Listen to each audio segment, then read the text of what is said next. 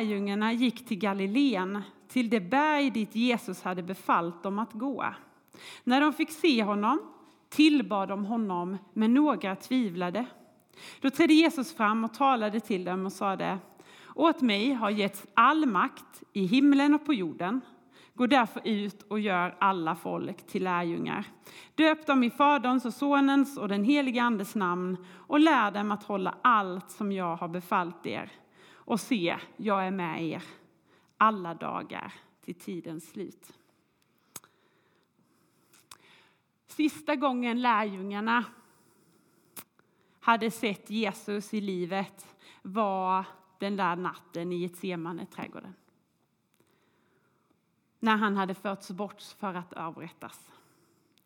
Sist lärjungarna hade sett honom var just den natten han blev förrådd. Och alla lärjungarna hade övergett honom och flytt. Men nu stod han där framför dem, livslevande. Och så skriver Matteus att lärjungarna föll ner framför honom men också att några tvivlade. Jag undrar om jag skulle vara någon av dem som tvivlade. Jag tror faktiskt att jag garanterat skulle ha gjort det. För det enda de faktiskt visste säkert, lärjungarna, var ju att allt redan hade tagit slut. Att Jesus hade dött. All makt i himmelen och på jord hade ju till synes getts åt natt, djävul och helvete. Det var ju det sista de upplevde. Och att var och en fick väl nu efter sin egen förmåga och sitt eget skinn klara sig så gott man kunde. Att Jesus nu stod framför dem stämde ju liksom inte in på någonting. Det stämde, hängde ju inte ihop.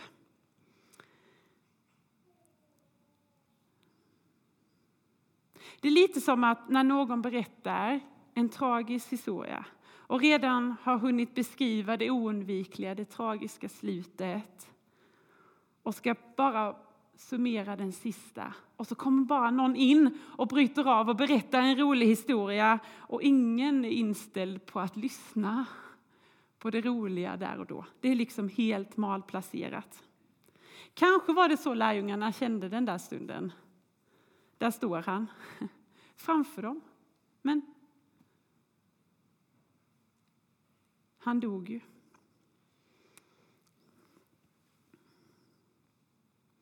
Deras erfarenheter sa ju den där natten i Getsemane när han blev förrådd att de hade övergett honom och flytt.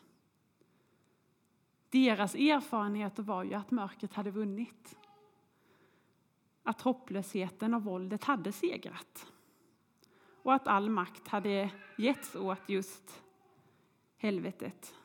Så när lärjungarna föll ner den där stunden och hyllade Jesus, men några tvivlade, så står det nästan i alla översättningar som finns. Att där på berget fanns det en grupp trosvissa lärjungar och en grupp tvivlande lärjungar. Men när man kollar på den grekiska originaltexten så är det inte så tydligt att det faktiskt rör sig om olika grupper.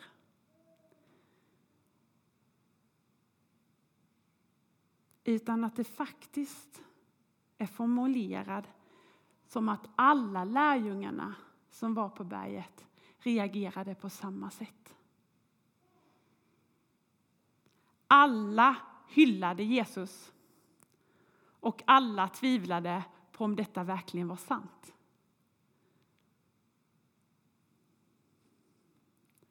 Och så är det Jesus som får gå fram till lärjungarna. Ja, ja, lärjungarna har tagit sig omaket att ta sig upp på berget dit Jesus befallde dem att gå. Men den där sista biten, när de föll ner och också tvivlade om det var verkligen sant, så är det som att Jesus går fram till lärjungarna. Den där sista biten. Och kanske är det så som Jesus kommer till oss. Vi ber och vi tvivlar. När lärjungarna står där och har fallit ner så är det han som går fram till, till dem och säger all makt har gett. Han lyfter av lärjungarna en jättetung börda. Att det stora tunga ansvaret på att ha koll på hela rasket nu när han har dött lyfter han av dem och säger att för hädanefter så ligger det på mig. Hädanefter så ligger det på mig säger Jesus. För det handlar inte om kyrkans förträfflighet i den här missionsbefallningen, utan det handlar om Jesus. Först och främst vem han är. Den börjar inte med kyrkans uppdrag och vad vi ska göra, vad vi ska producera, utan den börjar med Jesus. För precis som om ni har tänkt på tio Guds bud, så börjar inte den med vad israeliterna ska göra eller inte göra, utan med Gud. Det första av de tio buden så säger Gud att han berättar om sig själv, vem Gud är och vad Gud har gjort.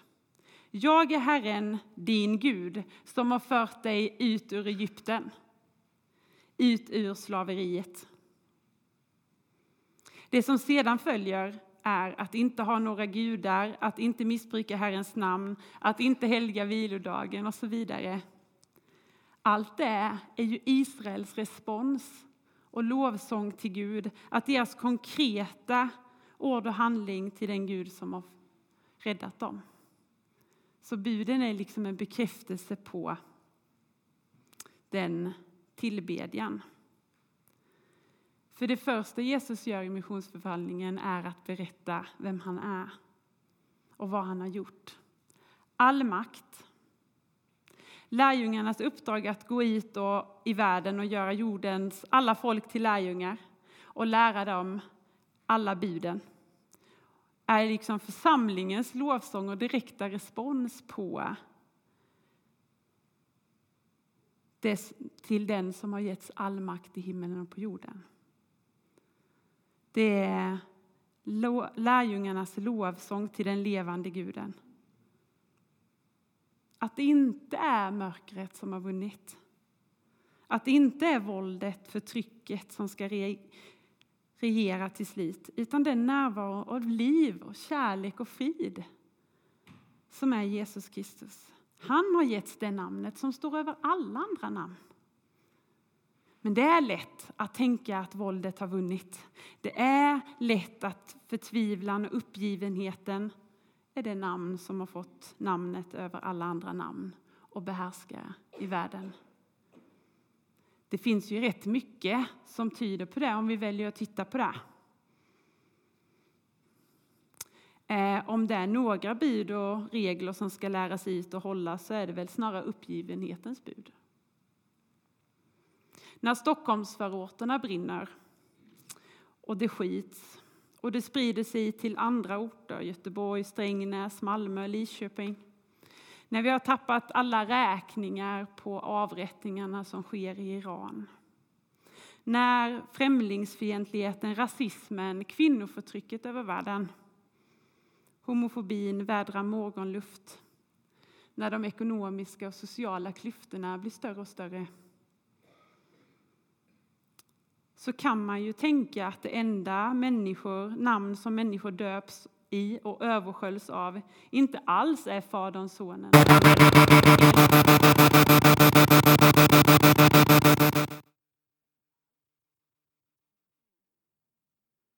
Försvann det? Nu kommer det tillbaka. Det är ju mycket som tyds på att det inte alls är det namnet som översköljs, Faderns Sonen och den helige Andes namn, utan snarare just det uppgivenhetens, misströstan och förtvivlans namn. Det kan jag tycka är det man möter.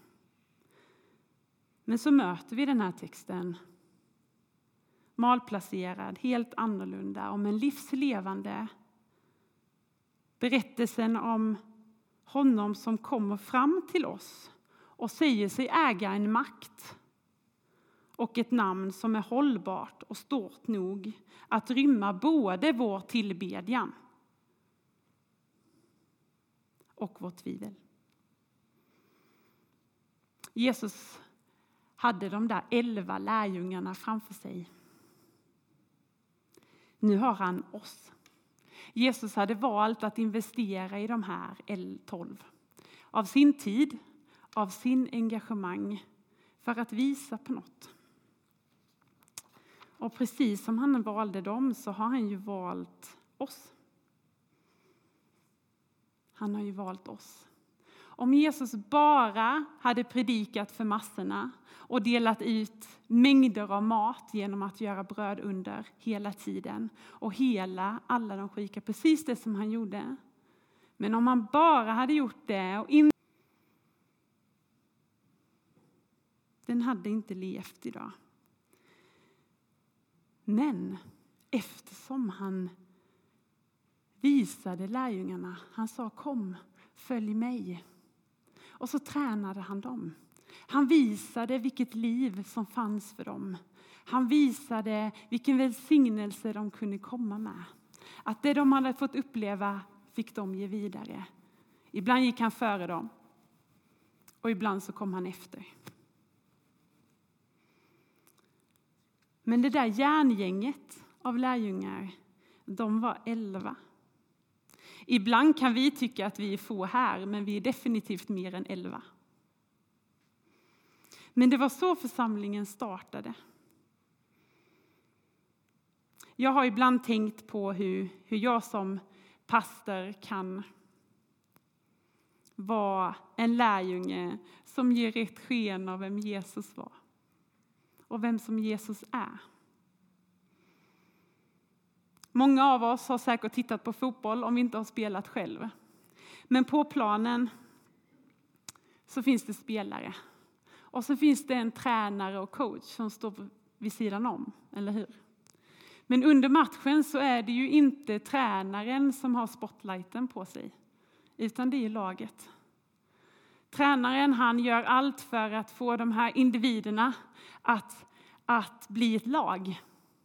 Att jobba mot samma mål, fast på olika positioner, på olika platser på planen, för att faktiskt täcka planen. Och jag tror att vi som kyrka och församlingar över vår värld ibland har, har misslyckats med att göra just lärjungar. För vi kanske har placerat människor vid sidan av planen.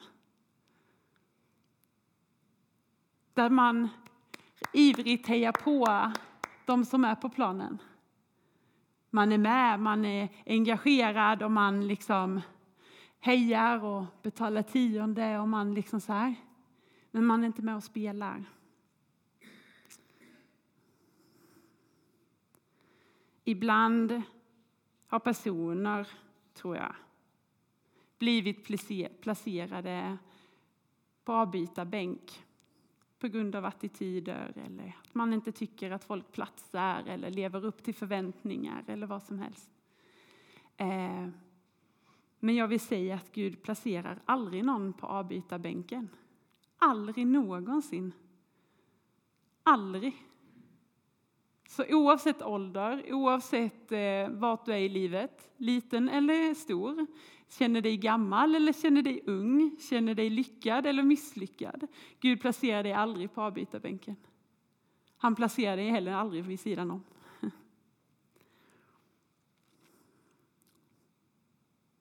Det står i första Korintierbrevet 12. Då liknar han oss inte vid en fotbollsplan, utan som en kropp där vi har olika lemmar. Där den ena delen inte kan säga till den andra, du behövs inte. Vi är hans A-plan. Kan vi säga det? Vi... En gång till. Vi är hans A-plan. Hur känns det? Lite obekvämt, va? En gång till. Vi... Tack. För det är ni. Och vi är det tillsammans. Vi kan inte alla stå på samma stol, men vi har många stolar. Vi kan aldrig vara på samma plats hela tiden. Vi sprider ut oss. Men däremot så vi kallar det att komma samman som församling. För att bli utrustade, för att möta Herren, för att lyssna på honom.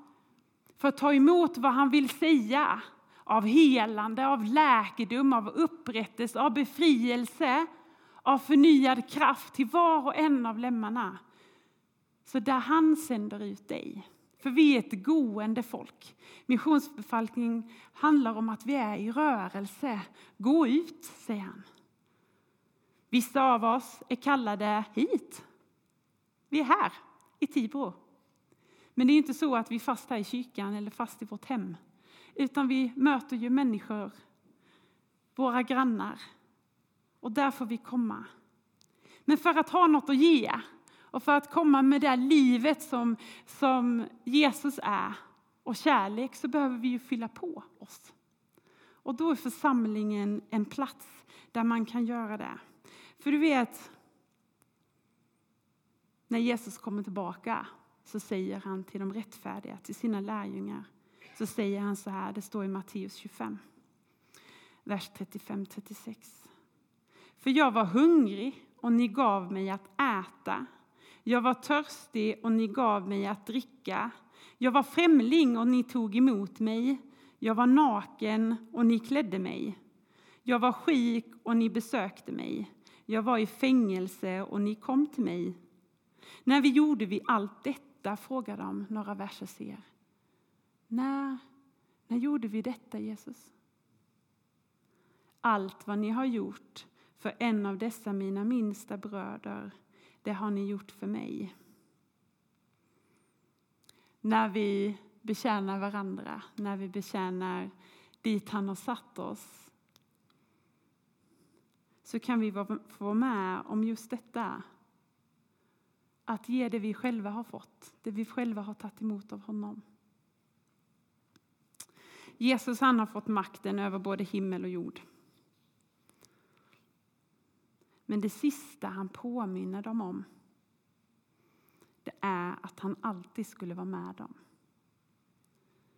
Så kom ihåg att han är den som har kollen. Han är den som leder. Han är den som har lyft av oket från oss. Så att vi behöver inte rodda allting själva. Vi behöver inte ha lösningen på allt själva för att han har sagt all makt ligger i hans namn. Och det är levande och verksamt. Och han lovade att där du går fram går han med. Jag tycker att det är stort. Jag tycker att det är stort att där vi får gå fram, där går han med. Han har lovat att oavsett var du rör dig någonstans, om du åker långt bort, som några av våra missionärer har gjort, för de känner sig kallade till olika delar av vår jord, så är Gud med där. Samtidigt som han är med dig här. Jag tycker det är stort. Eh, och vi stöttar ju olika projekt här och vi stöttar olika missionärer för det har ju också med en rörelse att göra. Vissa är placerade här i Tibro för att kunna vara en välsignelse för den här platsen, för människor som lever här.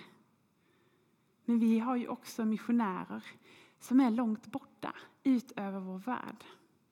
Och I januari så hade vi en gudstjänst här, en ekumenisk gudstjänst där vi tillsammans fick in 28 370 kronor.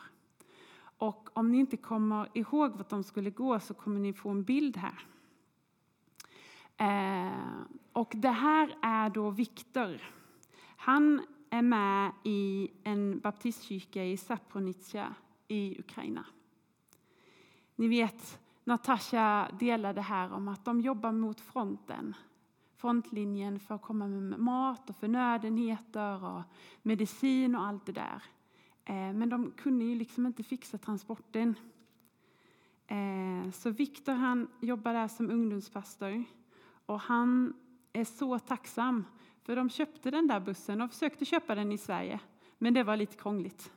Så att de skickade ner pengarna och nu vill de visa att bilen är inköpt. Och Viktor berättar här att han kör både passagerare och last och transport. Och församlingen är otroligt tacksam att vi har gett det där, att vi har varit med och ger det här. Så känn dig inte som att du står på sidlinjen, för du är med i matchen. Vi hjälper ibland människor att tjäna där de står. Där vi får sträcka ut det vi har av våra resurser och så får vi ge. Och nu kan de hjälpa, nu kan de göra sitt uppdrag.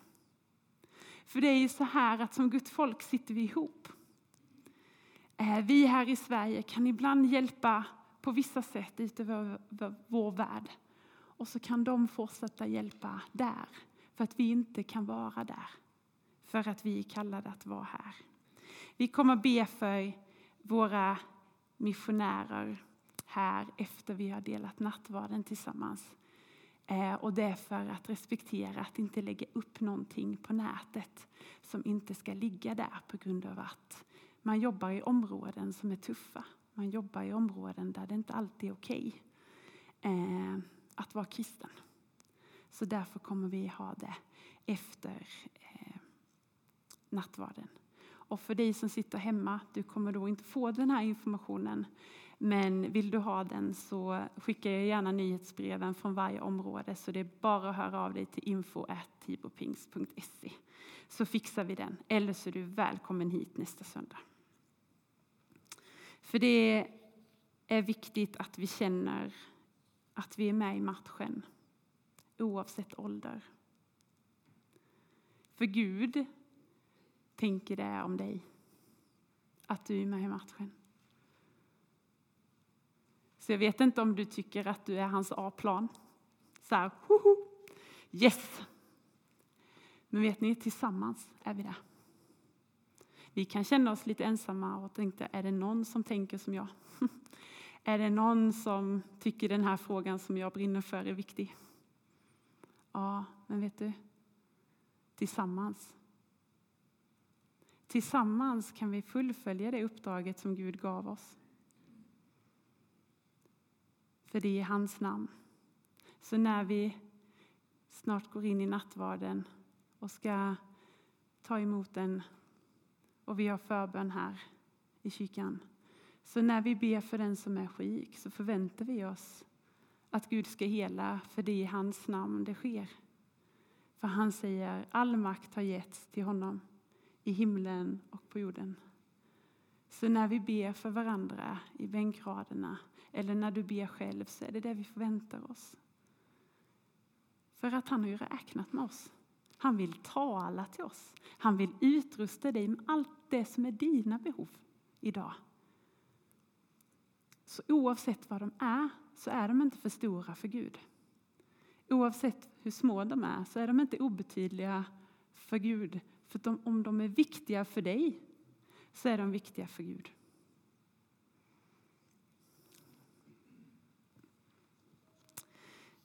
Vi ska be. Mm. Jesus, jag tackar dig för att det står att i ditt namn har getts all makt i himlen och på jorden. Tackar dig för att, den, att vi får vara vi och inte gudar. Tack för att du är det namnet som är över alla namn. Oavsett hur många skjutningar som händer, oavsett vart i världen krisen är, så är ditt namn över. Kom Herre Jesus och låt alla tala till alla Herre, för det, det kan du. Tala Herre till våra hjärtan så att vi förstår att du kallar oss i matchen. Du som vet våra namn. Kom heligande. Kom heligande.